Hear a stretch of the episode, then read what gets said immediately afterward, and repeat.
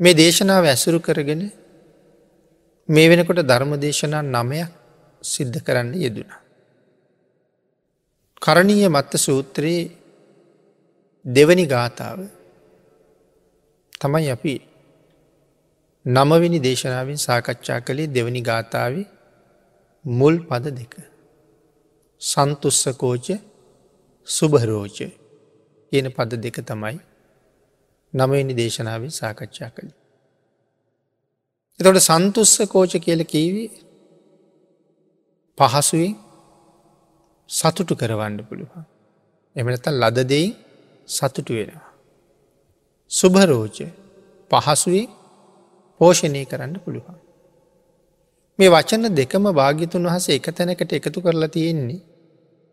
නිවන් දකිින්ට කැමති කෙනෙකුට මේ කාරණා දෙක අත්‍යවශ්‍යම නිසා. එන අපි ඊළඟට තියෙන වචනය අප කිච්ච කියන කාරණාවින්දලා අද දේශනාව ඉදිරියට පවත්තගෙනය. මොකදද මේ අප කිච්ච කියල කියන්නේ. අල්ප වූ කෘත්තිය ඇති බව. තමන්ට වැඩ අඩු කරගන්න බව. භික්‍ෂූන් වහන්සේ නමකගේ වශයෙන් නැවත මේ සඳහන් කරන්නේ බොහෝ වැඩ ගොඩ ගැහුණු ඒ භික්‍ෂූන් වහන්සේට තමන්ගේ අරමුණ කරා යන්ඩ බැරුව යනවා. විශේෂයෙන් ධර්මය සඳහන් කරනවා කම්මාරාමතා නව කර්මාන්ත ගොඩක් තියෙනවා. විහාරස්ථානයේ අලුත් ඉදිකිරීම් ගොඩාක් කෙරෙනවා. එතකොට භික්‍ෂූන් වහන්සේට තමන්ගේ මූලික පරමාර්ථය පැත්තක තියලා ඒ කර්මාන්ත ගානය ඇවිදින්ට සිද්ධ වෙනවා. කෙරෙන හැටි බලන්ඩ සිද්ධ වෙනවා. හොඳට කෙරෙනවද කියල බලන්ඩ සිද්ධ වෙනවා. අවශ්‍ය බඩුමුට්ටු සපයන්ඩ සිද්ධ වෙනවා. ඒ සඳහා අවශ්‍ය පුද්ගලයෝ හොයන්ඩ සිද්ධ වෙනවා. සමහර කටයුතු ගාව දේශසිත් පහළ වෙන්ඩ පුළුවන්. කලකිරීම් ඇතිවෙන්ඩ පුළුවන්. මේ අදී නොය කේතු නිසා තමන්ගේ කාරණාව මූලික පරමාර්ථය ටිකක් දුරස් වෙනවා. එක තමයි කම්මාරාමතා කියල කීවි. එළකට බස්සාරාමතා බොහෝස් පුද්ගලයන් සමඟ කතා කරන්න සිද්ධ වෙනවා. උදේටත් එෙනවා දවල්ටත් එෙනවා හවසටත් එෙනවා රෑටත් එෙනවා මේ එන එන එන එන පුද්ගලයක්ත් එක කතා කරන්න ගිය හම තමන්ගේ දවස නිකම්ම ගෙවිල ගිහිල්ල තමන්ම දන්නේ. ආයෙත් තමන්ගේ මූලික පරමාර්ථයෙන් එලියට ගිහිල්ලා. සමහරලාට අනුකම්පාව නිසත් එහෙම කතා කරන්න යෙදෙනවා. බෝම දුර බැහැර ගෙවාගෙන සමහරලාවට දායක පිරිස් හොයාගෙන එනවා. ඉතින් එච්චර දුර බැහැර ගෙවාගෙන ආපු හම වචනයක් දෙකක් කතා කරලා ඉවර කරන්නත් බෑ. පෑ ගානක් ඇවිල්ල තියෙන්නේ විනාඩි දහයක් කතා කරලා එට නෙමෙයි. ඉතින් නමුත් එන වෙලාවක සීමාවක් නෑ. එක වෙලාවක මේනවන ඔක්කොටම කතා කර ඉවර කරන්න දෙන්න. නමුත් විටිං විට විටිං විට එනකොට පොතක් පතක් බලන්ඩ ගිය ඒ කාරණාවත් හරියට කරන්න වෙන්නේ. ධර්ම දේශනාවක් අහන්ඩ ගිය සමහරලාට එක දේශනාවක් අහලා ඉවර වෙනකොට හත්තට පාරක් එක නතර කරලා යන්න සිද්ධ වෙනවා. එති එතකොටත් තමන්ගේ කාර්ය හුඟ අහකට යනවා. විශේෂයෙන් එවන් ගුණධර්ම පෝෂණය කරගණ්ඩ භික්‍ෂුවකට අවස්ථාව ලබල දෙන්න දායක පාර්ශවය තුළත් යම් අවබෝධයක් තියෙන්ට තෝනේ. යා යුතු වෙලාව නොයා යුතු වෙලාව පිළිබඳ. නමුත් එහෙම අවබෝධයක් බොහෝ දෙනෙකුට නැති නිසා එහෙම ගිහිල්ල මුණගැහෙන්ට නාවත් සමහට ඊට පස්සේ බොහෝ චෝදනා තමයි එල්ල වෙන්නේ. ඉති එනිසා මේ ශාසනී ගුණපුරණ කාරණාවට හරියට පලිබෝධ වර්තමානය තියෙන වයිකාරණ මේ සඳහන් කරන්නේ නිතර නිතර පිරිස් සමඟ කතා කරන්න සිද්ධ වෙනව නං ඒත් තමන්ගේ අරමුණෙන් බැහැරට ඇන්ඩ වෙනවා. අනික සමහරලාට ඒ කතා කිරීම එක්ක අකමැති දේවල්ලෝට නමුත් ඔළුව හොළවන්ඩවාගේත් සිද්ධ වෙනවා. කිවයුතු කාරණාව සමහට කෙලින්ම කීවොත් දායකයගේ හිතරිදේ යමනාප වෙයි කියල හිතෙන නිසා කිව යුතුදේ නොකිය ඉන්ඩත් සිද්ධ වෙනවා.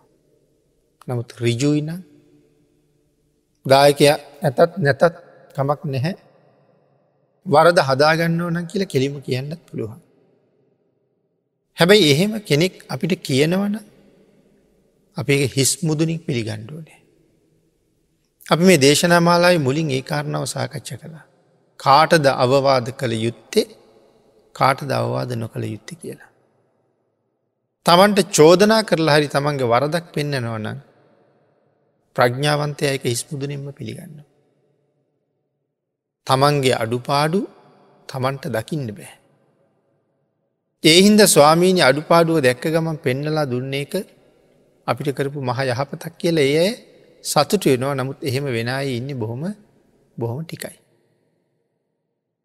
ඉළඟට පින්නතින මේ බස්සා රාමතාවේ නිසා තියෙන බාධාව පැහැදිලි කරනකොට එක සූත්‍රයක අපේ බුදුරජාණන් වහන්සේ අරි ලස්සන කාරණාවක් දේශනා කළා. එක භික්‍ෂූන් වහසේ නමක් අරන්නේ වැඩඉන්නවා. ඒ භික්‍ෂූන් වහසේ දවල්ට වලඳලා භාවනා කරන්න කියලා ගිහිල්ල වාඩි වෙලා උන්වහසට නින්ද යනවා. නිදි කිරෙනවා. භාවනා කටයුත්තක් නැහැ නමුත් නින්ද යනවා. ඊළකට භාගිතුන් වහස දේශනා කරනවා ගමේ ග්‍රාමවාසී විහාරඉන්නවා භික්‍ෂූන් වහසෙනවා. උන්වහසේ බොහොම පහසුවෙන් සමාධීයට සමාධිනවා. නමුත් ඒ භික්‍ෂූන් වහසට එතනින් එහාට ඒ කාරණාව දියුණු කර ගණ්ඩ බැරුව යනවා මේ තියෙන පලිබෝධ නිසා. එක්කො දායකු ඇවිල්ල කතා කරනවා. එහෙම නැත්තන් අඩු තරම ආරාමඉන්න සාමනේර ස්වාමීන් වහස නමක් හරි ගිහිල්ල කාරණාවට බාධ කරනවා. ඒ නිසා භාගිතුන් වහස දේශනා කරනවා මහනිනී සමාධි සුවයට සමවදින ග්‍රාමවාසී විහාරයේ වැඩඉන්න ඒ භික්‍ෂූන් වහන්සේට වඩා අර කැලෑවේ ආරන්නේ වැඩඉඳක නිදිකිරෙන භික්‍ෂූන් වහසමං අගේ කරනවා කියලා. හේතුව උන්වහන්සේට වඩා මේ ග්‍රාමවාසී භික්ෂුව දැන් උසස් තත්වයක ඉන්න සමාධීයට සමාධීන්ට පුළුවන් තැනකට ඇවිල්ල. නමුත් උන්වහසට ඉස්සරහට යන්ඩ බෑ පලි බෝධ ගොඩ. නමුත් අර කැලෑව ඉන්න භික්‍ෂූන් වහන්සේට තියෙන එකම බාධාවක් විතරයි. මේ නිදිමත නැති කරගත්තන උන්වහසට වෙන බාධා නෑ. නමුත් අර ගමේ භික්‍ෂුවට නිදිමත නැති වුණාට වෙන බාධා ගොඩක් තියෙනවා. ඒ නිසා අරන්නේ නිදි කිරෙන භික්ෂුව මම අගේ කරනවා කියල දේශනා කරනවා. එන මේ පිරිස් එක්ක නිතර නිතර කතා කරන්න ගියහම තමන්ගේ අරමුණින් බැහරට ඇඩ සිද්ධ වෙනවා. සංගනිකාරාමතා පිරිස සමග නිතර හැසිරෙන්ඩ කැමතිනම් ඒකත් තමන්ගේ කාරණාවට බාධාවක්. දැන් උතුම් විවේකය භාගිතුන් වහස හරියට අගේ කලාන්නේ. නම් සමහර පිරිසක් ඉන්නවා තනියම ඉන්ඩ හරි අමාරුයි. තැන් හුද කලා බව ශාසනය ඉතාම අගේ කරනවා. නම් අපිට ඇහෙනවා සමහර කෙනෙක් ගිහි කෙනෙක් නමුත් කියනවා තනියම ඉන්නකට හරි පාලුයි කියලා. දෙනිසා ඒ පාලුව නැති කරගන්න සමහර වෙලාවට එක රූපහනි අන්තරයේ ක්‍රියාත්මක කරනවා. නැතන් ගුවන් විදිලි යන්ත්‍රය ටික කයියෙන් ක්‍රියාත්මක කරනවා. ඒත් බැරින ඒ දෙකෙන්මත් ඒ කාන්සිය නැති කරගන්න බැරින ටිකක් වැඩි වෙලාවක් අල්ලාප සල්ලාපයේ යෙදෙන්ට පුළුවන් කෙනෙකුට දුරකැත නෑමතුමක් හරි ගන්නවා. එදර පෑගානක් නාස්ති කරන්න පුළුවන්. ඒක හොඳයි කියලා හිතෙනවා. නමුත් භාගිතුන් වහස දේශනා කරනවා භික්‍ෂූකගේ වශයෙන් මේ නිතර නිතර පිරිස් එක්ක හැසිරෙන්ඩ කැමතිනං ඔහුට කායි විවේකය චිත්ත විවේකය ලැබෙන්නේ නැතු වෙනවා.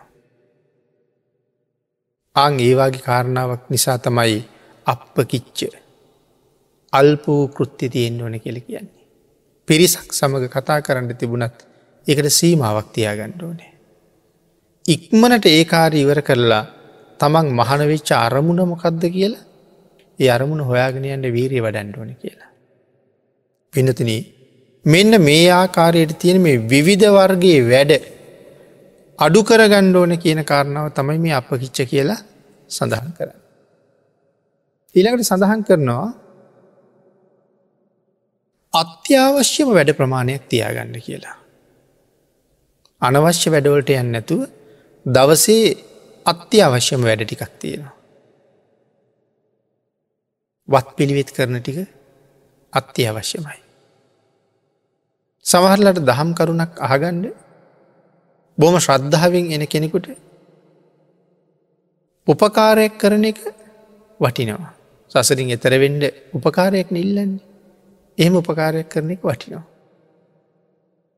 ඒවාගේ තමන්ට අත්‍යවශ්‍යම වැඩටිකක් තියාගට. බොහෝ කටයුතු යොදාගන්න එපා කියලා සඳහන් කරනවා. වැඩි කාලයක් ශ්‍රමණ ධර්මයට කැප කරන්න කියල තියෙනවා. දවසේ වැඩි කාලයක් ශ්‍රමණ ධර්මයට කැප කරන්න ඕනේ. හැම වෙලාම තමන්ගෙන් ඇසිය යුතු ප්‍රශ්නයක් තියෙනවා. ඔබ පැවිදිවුණේ ඇයි. පැවිදිවුණේ ගමන් යන්ට නෙමේ. පැවිදිවුණේ විනෝධචාරිකායන්ට නෙමේ. පැවිදිවුණේ පිරිස් එක්ක නිතරම කාලිගත කරන්න නෙමේ. පැවිදිවුණේ නොෙක් කර්මාන්ත කරන්න නෙමේ. එන පැවිදිවුණේ කෑමබීම ගෙදර නැතිහින්ද පැවිදිවුණා නෙමෙයි. සලකණ්ඩ කෙනෙක් නැතිහින්ද පැවිදිවුණා නෙමෙයි. වෙනත් කටයුතු කරලා දෙන්න උදව් උපකාර කරන්න එමතන් කාත් කවුරුවත් නැති නිසා පැවිදිුණා නෙමෙයි. අම්මතාත්තත් දාලා සහෝදර පිරිසත් දාලා සමහරලට ගෙදර තිබිච්ච ඉඩකඩන් යානවාහන සල්ලි මිල මුදල් මේ ඔක්කොම අත්හැරල පැවිදි වුණේ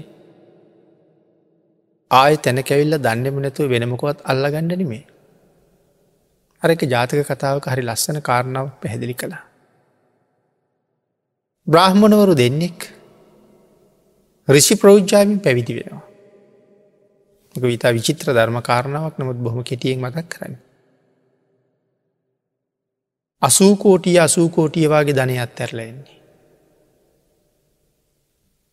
සඳහන් කරනවා නිව හිමාලයවාගේ වැඩඉඳලා ලුණු ඇබුල් හොයාගෙන ඒ කාලට ගමට වදින සමහර කාලවලට කියලා. එහෙම පින්ඩ පාති වඩින දවසක වැඩිපුර ලුණු ටිකක් හම්බුණා. ප්‍රධාන භික්‍ෂුවගේ උපස්ථායක භික්‍ෂුව ඒ ලුණු ටික ඔතල ගහක බෙනීක වගේ තැනක තියල තිබ්බා. පහුවදා දානය ලැබිල දානය වලඳන්ට යනකොට එදා දානයට ලුණු මදී. නිසා දිය රස යාහාර. මතක් වුණ අර තියාපු ලුණු ටික. ඒ අරගෙන ඇවිල්ල ප්‍රධානියගේ ආහාරයටත් ලුණු මිශ්‍ර කරලා තමුණුත් පරිභෝගිට ගත්තා. එතකොට ප්‍රධාන රිෂිවරය අහනවා කොහෙන්ද ලුණු? අඩුපාඩුවට දාගන්ඩ උපස්ථායක භික්‍ෂුව කියනවා ඊයේ වැඩිපුර හම්බුනානේ මං ඉතුරු ටික තියල තිබ්බා. එතකොට ප්‍රධාන රිෂිවරය අහනවා රාජ්‍යත් දාලා අසූකෝටියක් විතර ධනයත් අත්හැරල විශාල දැසි දස්ව සහ මව්පියොත් දාලා එ ඔක්කොම අත්හැරල ඇවිල්ල ඔබ ලුණු ටිකට ඇලුනද කියලා. පාන්ට කතාව කොච්චර ලස්සඳ කියලා. අතවෙචි භික්‍ෂූ කියනවා බැන්නට කමක් නෑ ඔය තරම් සැරට බනින්න එපා කියලා. අපිට නං ඒක සැරබවක් පේනවාද. නමුත් ඒ කාරණාව හරි සැර කතාවක්. ආං ඒවාගේ කරුණු ශාසනී හරි ලස්සන්ට පෙන්ඩලා තින මේ කාරණාව තේරුම් ගන්නට. එනම් අර මුලින් සඳහන් කලා වගේ ඒ සියලුම දේවල් අත්හැරල පැවිදිනේ ආය තව කෙනෙක් අල්ල ගණ්ඩව තව කෙනෙක් නිසා බැඳෙන්ඩව වෙනත් කර්මාන්ත නිසා බැඳිලා නිකන් කාලි නාස්ති කරන්නවත් නෙමෙයි. තමන් ආවේ යම් අරමුණක් මුදුම්පත් කරන්නද ඒ අරමුණ වහවහා මුදුම්පත් කරගන්න උත්සාහ කරන්න ඕනේ. ඒ සඳහා අල්ප වූ කෘත්තිය ඇති කෙනෙක් බවට පත්තෙන්ට ඕනේ. කළ යුතු අත්‍යවශ්‍යම කාරණාව විතරක් සම්පූර්ණ කරලා තමන්ගේ කාරණාවට යෙදෙන් ඕන කියන කාරණාවයි එතන සඳහන් කරන්නේ. එතකොට පිනතින මේ සූත්‍ර දේශනාව පුරාම අපිට පේනවා මේ එක වචනයක් ඇතුළේ කොයි තරන් ධර්ම කොට්ටාසයක් භාගිතුන් වහස ගැබ් කරලා තියෙනවද කියලා. කරණී මත්ත සූත්‍රය කියෙන කියන්නේ ඉතා දීර්ඝ සූත්‍රයක්. නමු ත්‍රිපිටකේ අපිට හම්බ වෙන්නේ ගාථා දහයක බොහොම පුංචි සූත්‍රයක්. මම මේ දේශනාවේ බොහෝ තැන්වල මතක් කළා. මේ සූත්‍රය පරිහරණය කරලා භික්‍ෂූන් වහසල තිස්නමක් මාස තුනක් ඇතුළෙස රහත්වෙනවා. නමුත් කල්පනා කරන්නක අපි අවුරුදු කීයක් මේ සූත්‍රය උදේ හවස කියනව ඇද කියලා. නමුත් අපට වෙච්ච කිසි වෙනසක් කිසි වෙනසක් නෑ. මේ සූත්‍ර බොහොම මහානු භාවයි බොහොම බලසම්පන්නයි කියලා අපි නිතරම් ධර්ම දේශනාවල් වලින් අපේ දහම් පොත් පත්වලින් අහනව කියවුණෝ. ඉතින් ආපහු අපිට ඉතිනවා ඉතින් කිසි ආනු භව බවක් අපිට නෑනේ. ඇයි නැත්තේ. නැත්ති සූත්‍රයේ අන්තර්ගතය මේ විදිහට අපි දන්නේ නෑ. අත්හල යුතු දේවල් මොනවද ලංකර ගත යුතු දේවල් මොනවද කියන කරුණ අපි මේ සූත්‍රයේ අරන්නෑ අපි නිකන් ගිරව්වාගේ පාඩන් කරගෙන කියව්ව විතරයි කරලතිය. ඊට වඩා දීර්ඝ කාරණා අන්තර්ගත කරලයි භාගිතුන් හස මේ සූත්‍රයේ අපිට ගාථා දහයකට සීම කරලා දීලතියෙන්. හැබැයි ඒ ගාථා දහය ඇතුළේ අපි නිවන දක්වා හේතුවෙන කරුණු ටික අන්තර්ගත කරලා තියෙනවා. ඒකයි මේක පදයක් මේ තරන් දීර්ගෝ විස්තර වෙන්නේ ඒ අන්තර්ගතය නිසා. අපි මේ සාකච්ඡා කළේ ඉතා ස්වල්ප ප්‍රමාණයයි. මේ කරුණක් ඇතුළේ තව දිගහරින්න කරුණු ඕන තර තියෙනවා. ඉළඟට තා වචනයක් තියෙනවා සල්ලහුක උත්ති ඇයි එහෙම කියන්නේ. සැහැල්ලු දිවි පැවැත්ම. තමන්ගේ එදිනෙදා ජීවන පැවැත්ම හරි සැහැල්ලු එකක් වෙන්ඩුවනේ. මහා බරබද්දර ගොඩක් නැති වෙන්ඩෝනේ. අං එනිසා සඳහන් කළා මෙ සැහැල්ලු දිවි පැවැත්ම කියල කියන්නේ බහුබාණ්ඩික නොවීම කියන කාරණාවයි කියලා. මේ කතා කරන්න භික්ෂුවකගේ වශය. ඇයි බහුබාණ්ඩික නොවීම කියල කියන්නේ. බොහෝ බාණ්ඩ රැස් වෙලා තියෙන්න බෑ. එතකොටත් හරියට කරදරයි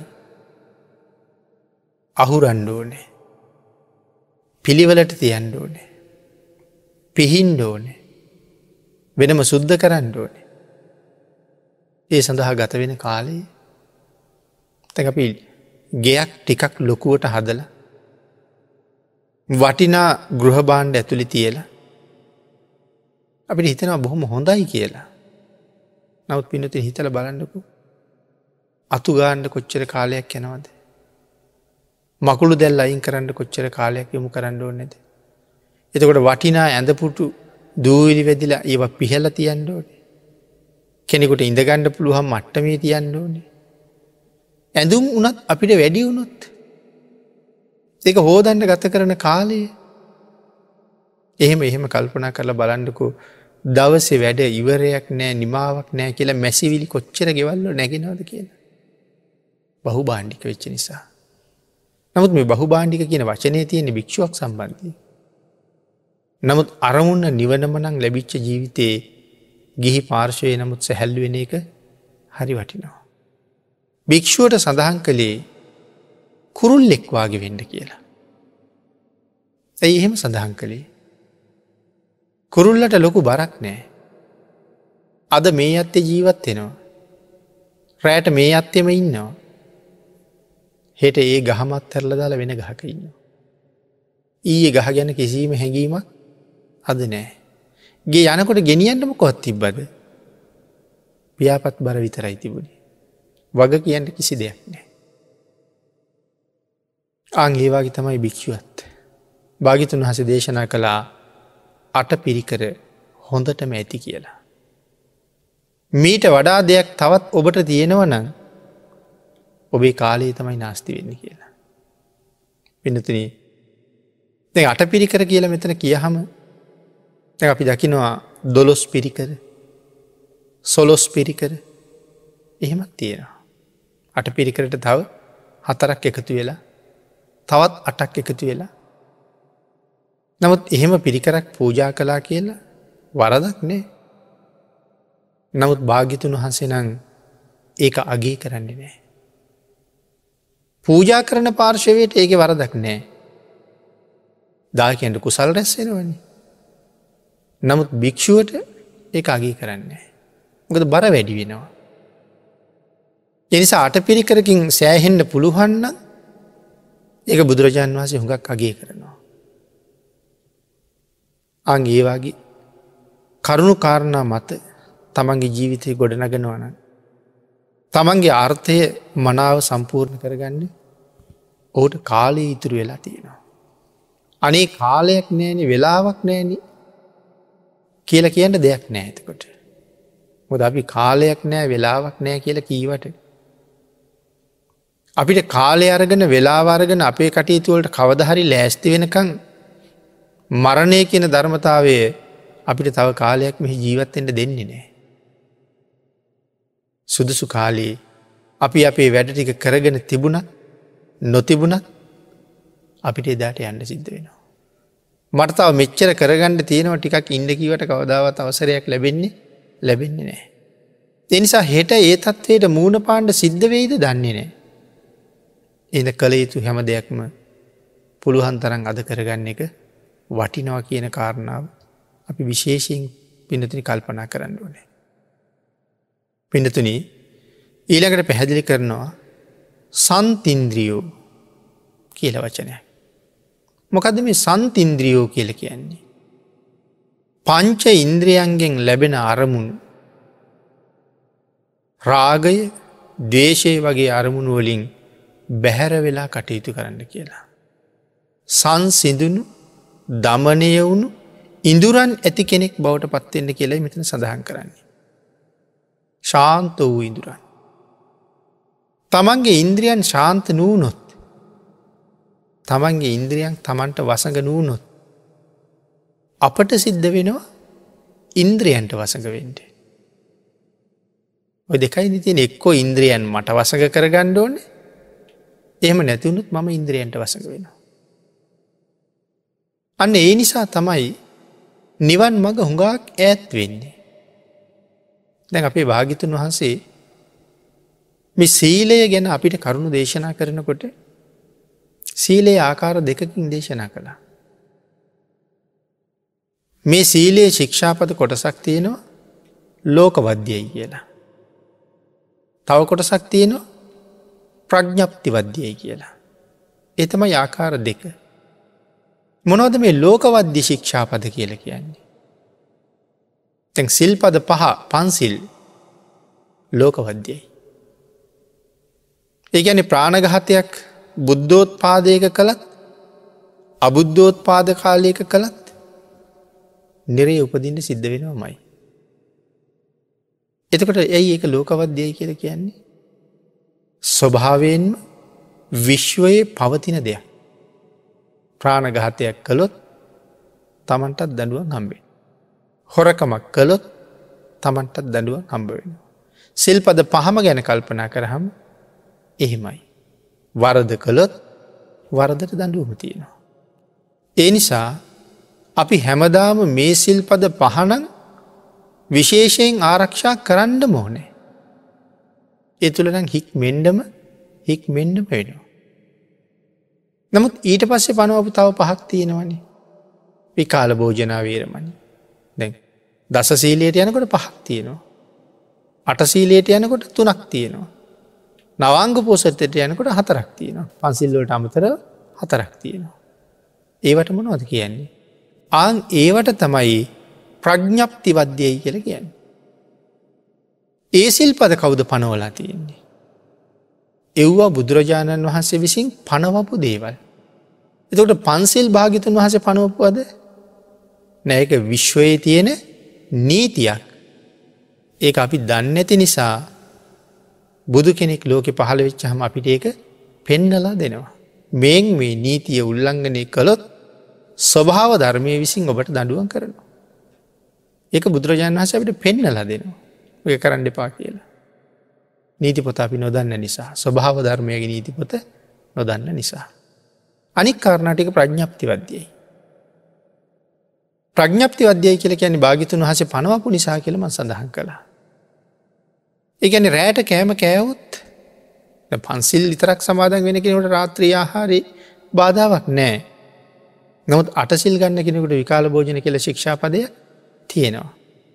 දැ පන්සිල්වලින් එකක් උල්ලංඝනය කිරවුත් නං නිරේට යන්න සිද්ධ වෙනවා.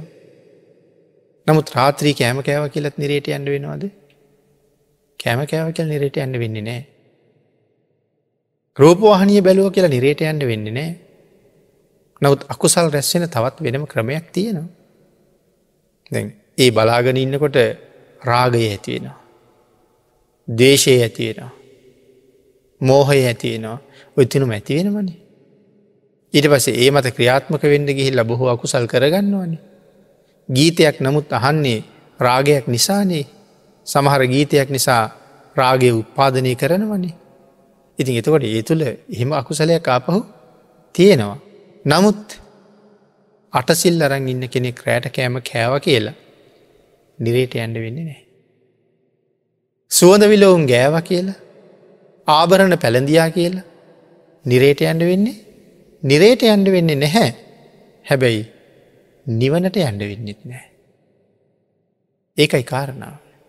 විසිල්පද පනවලා තියෙන ඇයි භාගිතනහස.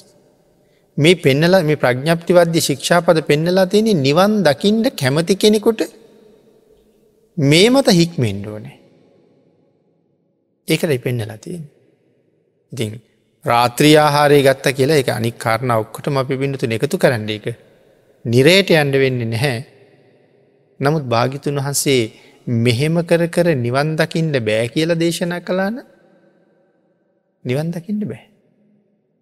බුදුරජාණන් වහන්සේට හොරෙන් නිවනට යන්න බෑ කවදාවත්න. යනවන භාගිතුන් වහන්සේ පෙන්නපු විදිහට තමයි නිවනට යන්න පුළුවන් වෙන්න. එහන මේ සන්තින්ද්‍රියෝ තමන්ගේ ඉඳුරන් දමනය කර ගණ්ඩෝනේ. ඉඳුරන් දමනය කරනවා කියල කියන්නේ කෙලෙස් පාලනය කරනවා කියන එකන. ප්‍රාණගහත කරන්න ක්ලේසයක් තියෙන්ඩුවනේ. හොරකමක් කරන්නත් ක්ලේසයක් තියෙන්ඩුව. දොර පංච ඉන්ද්‍රිය ගැන වෙතන සඳහන් කරහම ඇහෙන් කොච්චර දේවල් බලන්ඩ හිතෙනවාද. අපි සාමාන්‍ය ගෙදර ඉන්නකොට රූපවාහනී ටෙලිනාට්ටි චිත්‍ර පටවාගේ දේවල් නැරඹුවට ක්‍රීඩා තරඟවාගේ නැරඹුවට සිල්ගත්ත දවසට ඒ වැඩි කරන්නේ න. ඇයි නොකරන්නේ පොරොන්දුවක් උදේ දීල තියෙනවා නච්ච ගීතවාදිත විසූක දස්සනා කියලා. ඒ පොරොන්දුව නිසා අද රූපවාහනි බලන්නේ. හැබැයි හෙට ගියපු ගමම්ම බලනවා. අහවල් කතාව මොක දෙය වුණේ කියලා අපහු අහනවා. අහවල් ක්‍රීඩා තරගට මොක දෙය වුණේ කියන කාරණ වහනවා. එකන ඉන්ද්‍රියන්ගේ මනා දමනයක් මනා දමනයක් නෑ අදට දමනය කරගෙන ඉන්නවා. නමුත් එහෙම දමනය කරලම මේ නිවනට යන්ඩ ලේසි ලේසිනෑ. අද බලන් නැත්තං රූපවාහනිය හෙට ගෙදර ගිහිල්ලත් බලන්ඩ ඕනෙ නැත්තං. අන්න මගේ ඇහැ කියන ඉන්ද්‍රිය මන් දමනය කරලා තියෙනවා. පාරය යනකොට යම් රූපයක් දැක්කහම සමහර රූපයක් නිසා දවේශය ඇතිවෙන්න පුළුවන්. සමහර රූපයක් නිසා රාගය ඇතිවෙන්න පුළුවන්. ආන්ගේ රූපයට ඇලුන නිසා මගේ ඉන්ද්‍රී පාලනයක් නැති නිසා මේ ඇහැ කියන ඉන්ද්‍රියෙන් දැකපු දර්ශනය නිසා මගේ හිතට බලපෑමක් කරනවා ආපහු ආපහු බලන්න කියලා. ආගේ නිසා නතර වෙලා පිටිපස්ස හැරිලත් බලන්න හිතෙනවා. එහෙමනැත්තං නොපෙනෙන තැනකනං ඇගිලි තුඩු මත නැගල ඉස්සිලා වගේ බලන්න හිතෙනවා. ද ඉන්ද්‍රිය දමනයක් දමනයක් නැති නිසා.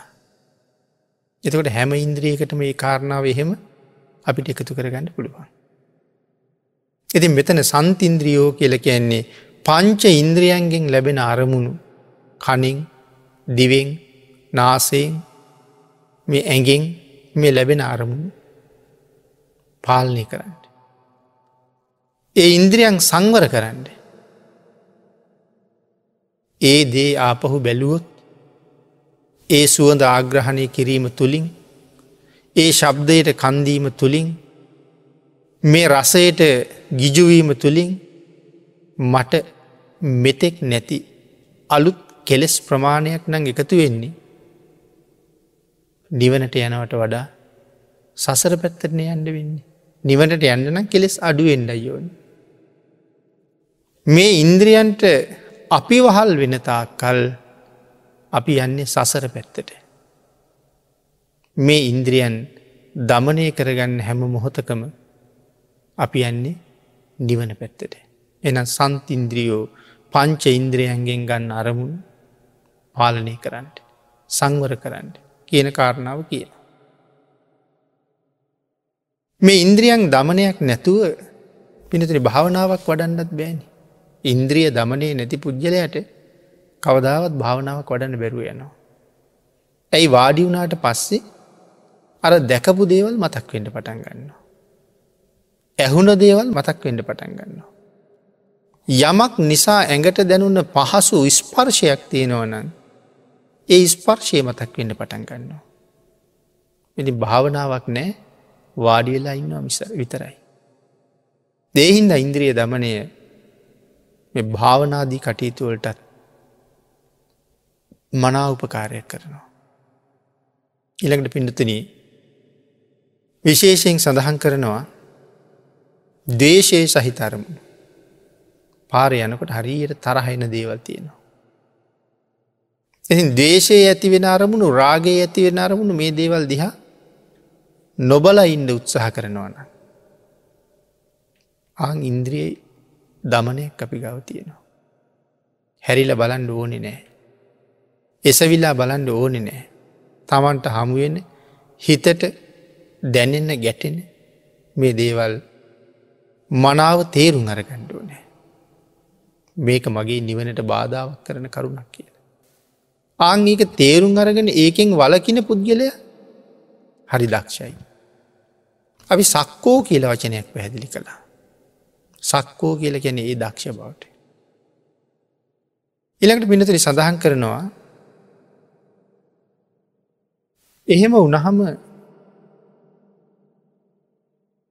නැත්තං ඉන්ද්‍රියන් පාලනය කරගත්තාම අපේ ගමනත් භාවනාවකට යොදාගන්න පුළුවන්. එකන වටපිට බල බල යනව කියලකැන ඉන්ද්‍රිය දමනයක් නෑ කියන එකයි. එහින්ද යම් යම් දුරක් බලාගෙන පාරය අයින් වෙලා යම් දුරක් බලාගෙන තමන් ගමන් කරනවා. දැන් අපි වාහනය කියනකොට අපිට පේනවා මේ දෙපැත්ති තියෙන ගස් කොලන් ඒ ඔක්කොම පස්සට යනවා වගේ පේනවා. නමුත් අපි ඒදී දිහා විශේෂයෙන් බැල්මක් නෑන. ඉදිරියට එනවා පහු වෙලා යනවා. ඉදිරියට එනවා පහු වෙලා යනවා. මාර්ගයේ ගමන් කරනකොටත් යම් දුරක් බඹ කීපයක් ඉස්සරහ බලාගෙන පියවි සංවර ගමනින් කියල කියන්නේ වඩාම හෙමිනුත් නෑ ඉතාම හයියෙනුත් නෑ. සාමාන්‍ය ගමනින් යනවා. එක තැනක තමයි බලාගෙන ඉන්න අරමුණ. මාර්ගයේ බලාගෙන ඉන්නවා. එතකොට අපට ඉදිරියෙන්ගෙන වාහනත් පේනවා. හැබැයි යම් ප්‍රමාණය බලන ඇතිගෙන වාහනී දිහ බලන්නේ. යම් ප්‍රමාණයක් බලාගෙන ඉන්නකොට අපට යම් දුරකින් වාහනි පේනවා. එතකොට අපි ඒ වාහනයට අයින් වෙලාද ඉන්නේ කියන කාරණාවත් අපිට හොඳටම දැකගන්න පුළුවන්. ඉදිරියෙන් හම්බවෙන රාගය හෝ දේශය ඇතිවෙන අරමුණුත් දකිනවා. නමුත් ඒ මොහොතේ දැක්ක විතරයි අර වාහනය යනකොට පහුුණා වගේ ඒ කාරණාව එහෙම පහු කරලා මගේ අර ඇහැත් යාගත්ත යම් ඉලක්කයක් තියෙනනගේ ඉලක්කයත් එක්කොම යනවා. ආං ඒක හොඳ භාවනාවක්. සක්මං භාවනාව එහෙම පුද්දු කරගන්නත් පුළුවන් මෛත්‍රයක් වඩමින් එහෙම ගමන් කරන්න පුළුවන්. මෛත්‍රී භාවනාවත් සතර ඉරියව්යම කරන්න පුළුවන් භාවනාවක්නේ. මේ මේ සූත්‍රයට කියන්නේ මෙත්ත සූත්‍රය කියලන්නේ. කරණීය මත්ත. මෛත්‍රී භාවනාව ගැන් තමයි මේක කියන්නේ. ඉස්සරහට අපිට ඒක හම්බ වෙනවා. ඉතින් ආං එහෙම ගමන් කරන්න පුද්ගලයකුට බොහොම පහසුවෙන් භාවනාවක් දියුණු කරන්න පුළුවන්. අර වාඩි වෙලා කරන කාරණාව විතරක්ම නෙමෙයි භාවනාව කියන්නේ ගමන් කරනකොටත් කරන්න පුළුවන්. එහනම් යම් දුරක් ගමන් කරනවාද ඒ කාලෙත් අහකදාන්න නැතුව භාවනාවකටම යොදන්ඩ එදාට එදාට ඔහුට පුළුවන් වෙනවා. එතට ගමනක් තියෙන භාවනාවත් එක්. ඊළඟට පිනතින පැහැදිලි කරනවා විශේෂයෙන් ඒ පුද්ගලයා කාලයෙන් ප්‍රයෝජන ගන්නවා කියලා කියන්න පුළුවන් එතකොට. අපට කාලයක් නෑ කියන ගෙන කියන්න. භාවනා කරන්න කාලයක් නෑ. නවත් අර යන ගම එක භාවනාවකට යොදන්න පුළුවන්. එතකොට ඒ යන කාලේ නහත්ති වෙලා නෑ අපිට ජීවත්තෙන්ට තියෙන බොහොම ටික කාලයයි. අවුරුදු හැත්තෑවක් විතර කියල කල්පනා කළු. ඒ හැත්තෑවෙන් සෑහෙන කාලයක් ඉගෙන ගණ්ඩ වියදන්නා. ඊළඟට අනිවාරයෙන් අපි දන්නවා තව අවුරුදු හතාටක්වත් මේ රෝගී තත්වයන්ට ව්‍යාදීන්ට ගොදුරු වෙලා ජරාවට පත්වෙලා. එක්තැන් වෙලා නමුත් ගෙවන්න සිද්ධ වෙන කාලයක් තියෙනවා. එතොට කොහොමත්. අවුරුදු හැත්තෑවින් විසි පහක් තිහක් විතරවත් අයින් කරන්නන ඉගෙන ගත්ත කාලට සෑහෙන්ඩ අයින් කරන්නඩුවන් ඉළඟට අන්තිමත් අවුදු හතාටක්වත් අයින් කරන්නේ. ඒ අතර පොඩි කාලයේදී අපිට මේ හැම දේටම. ඒ කාලයේ උපරිමින් ප්‍රයෝජන ගණ්ඩෝනේ. එතකොට කාලයක් නෑ කියන කාරණාව කියවෙන්නේ නෑ. කාලයෙන් වැඩාරන්තියෙන. ආංහෙම තීරණය කරලා කාලයේ කළමනා කරණය කරලා තමන්ගේ කටයුතු දෙසා යොදාගත්ත පුද්ගලයා සක්කූ. ඔහු කාලයෙන් වැඩගණ්ඩ දක්ෂයි. අකුසලයෙන් ඈත්තෙන්ට ඔහු දක්ෂයි. අකුසලේ ඇතිවෙන තැන කොතනද එතන හොයලා එතෙන්ට පහරදීලා එතනින් ඈත්වෙලා යන්නවන ඔහු හොඳ දක්ෂයෙක්. ඉළඟට පින්නතුන මේ කාරණා ටික කරන්න ඉන්ද්‍රිය සංවරය කියන එක අත්‍යවශ්‍යයි. ඉන්ද්‍රිය දමනය අත්‍යවශ්‍යයි. ඒ නැති තැන මේ ලෝක අභිවෘධිය උදෙසා කරන හැම කටයුත්තකටම තියෙන්නේ ලොකු බාධාවක්. සන්තින්ද්‍රියෝච කියල කීවේ ආංගේ සංවරය ගැන. ඊළඟට සඳහන් කරනවා නිපකෝ කියල වචන. සන්තින්ද්‍රියෝච නිපකෝච. ඇයි මේ නිපකෝච කියල හඳුන්නලා තියෙන්නේ පිනත මෙතන නිපකෝ කියලකින් ප්‍රඥාවට. කොහොම දේකාරණාව විස්තර කරලා තියෙන්නේ. විශේෂයෙන් පැහැදිලි කරනවා තමන්ගේ සිව් පසේ දැන් ආපහු භික්ෂුවක් සම්බන්ධයෙන් කතා කරනවා. තමන්ගේ සිව් පසේ නිවැරදිව ලබාගන්නේ කොහොමද. ඒක පිළිබඳව ප්‍රඥාවක් තියෙන්දුවනේ. ජීවර පින්ඩ පාත සේනාසන ගිලාන ප්‍රත්තිය. විශේෂයෙන් සඳහන් කරනවා එහෙම තැන්වල තමන්ගේ සීලයට කැලලක් නොවෙන්ඩෝනේ. තමන්ගේ ආජීවය අපිරිසිදු නොවෙන ආකාරයට ප්‍රත්‍ය සේවනය කරන්න ඕනේ. එහෙම කරන්නේ කොහොමද කියලා නුවනින් කල්පනා කරලා බලන්ඩෝනි කියලා. සිව්පසේ ලබාගණඩ ගිය හම තමන්ගේ සීලයට හානි වෙනවාද. ධර්මානුකූල ජීවිතයට හානි වෙනවාද. සමහර වෙලාවට ඉතා සුළු කුඩා බොරුවක් වෙන්ඩ පුළුවන්. ඒකින් ලොකු ලාභයක් ලැබෙන්ට පුළුවන් පොඩි බොරුවක් කියන්න තිය. නැත්තන් සම්ය ප්‍රයෝගයක් කරන්න තියෙන. ලොකු ලාභයක් ලැබෙනවා. නමුත් ඒක ඒ තරම් හොඳ නෑ. සීලය පළුදු කරගෙන කොයි තරන් ලොකු ලාභයක් ලැබුවත් එක ලාභයක් නෙමෙයි. ඒ ලාබේ නැතිවුණට කමක් නෑ තමන් මෙතෙක් ආරක්ෂා කරපු සීලී තිබුණන. ඒක ඊට වඩා ලාභයක් ගොද පිනදිරි කෝටි ගානක ලාභයක් ලැබුණ ඒ ලාබේට බෑන අපි සුගතියට ගෙනියන්ට. නමුත් අර බිඳගත්තෙ නැති සීලයට පුළුවන් මරණයත් සමගම අපි සුගතිගාමි කරන්නට. එන අර කෝටි ගානට වඩා මේ සීලේ වටිනවා. එහෙමනං ආං ඒ තැන්ගොල ප්‍රඥාවන්ත වෙන්ඩෝනේ ඒ සිව්පසේ ලබන්නේ කොහොමද කියලා. ආජීවයට හානි වෙන තැනක් නම් එතනින් කොච්චර ලැබුණත් එපා. ඉතා සුළු දෙයක් ලැබුණට කමක් නෑ ආජීවයට හානියක් නැත්තම්. අංගේ කාරණාව තේරුම් ගණ්ඩ හොඳ ප්‍රඥාවක් තියෙන් ඕන කියන කාරණාව සඳහන් කරන්න. මේ දේ මෙහෙම කළොත් මගේ සීලයට හානි වෙනවද. හනි වෙනවන ගිපා. ඕනෑම තරාතිරමක පුද්ගලයෙක් ඇසුරු කලාට මේ පුද්ගලයා ඇසුරු කිරීම නිසා මගේ එදිනෙදා කටයුතුවලට හානි වෙනවද. බාධා වෙනවද. එහනම් ඔහු කොයි තරන් තරාතිරමින් උසස් කෙනෙක් වුණත් මට වැඩක් නෑ. ඔහු මට මොන තරං උපකාර කරන්න පුළුවන් ශක්තිය තියෙන කෙනෙක්ද මට ඒ පුද්ගලයකින් වැඩක් නෑ. ඊළඟට හිතන්නකෝ එවන් දායකෙක් සමහරලාට කෝටි ගණනක මුදලකින් යාන වාහනවලින් උපකාර කරලා තියෙනවා. නමුත් ඔහු නිසා එන්ඩ එන්ඩ තමන්ගේ ආජීවයට හානි වෙනවනං මේ පුද්ගලයා මට මෙච්චර කරලා තියෙනවන කියලා ඒ පුද්ගලය ළඟම නතර වෙනවට වඩා ඔහු අත්තරලදානක තමයි වටින්නේ. ආංගේක තමන් දැනගණ්ඩුව. ඒකයි මෙතන නිපකෝ කියල කියන්න. ඊළඟට පින්නතුනේ වාසය කරන ආවාස මොනවාගේ ආවාසයක් සුදුසුද. කොයි වගේ ප්‍රදේශයක් ජීවත්වීමට සුදුසුද. මොනවාගේ ප්‍රදේශයක් තමන්ගේ ශරීර සෞඛ්‍යයට ගැලපෙනවද. කොයිවාගේ පිරිසක් සමඟ ජීවත්වයන එක හොඳද. ආගේ කාරණාව හොඳට අවබෝධ කරගෙන සුදුසු ප්‍රදේශයක ජීවත්වයන එක සුදුසු පිරිසක් ඇසුරු කරන එක සුදුසු තැනක වාසය කරන එකක් මෙතන නිපකෝ කියල සඳහන් කරලා තියෙනවා. එමන පින්නතුන අපි කරණීය මත්ත සූත්‍රය ඇසුරින් සිදු කරන දහවිනි ධර්ම දේශනාව මේ නිපකෝ කියන වචනය පැහැදිලි කරම තැනි අද අවසන් කරමු අප ගබ්බෝ කියන වචනය එකොළොස්වනි දේශනාවෙන් පැහැදිලි කරන්න ඉඩතියාගෙන.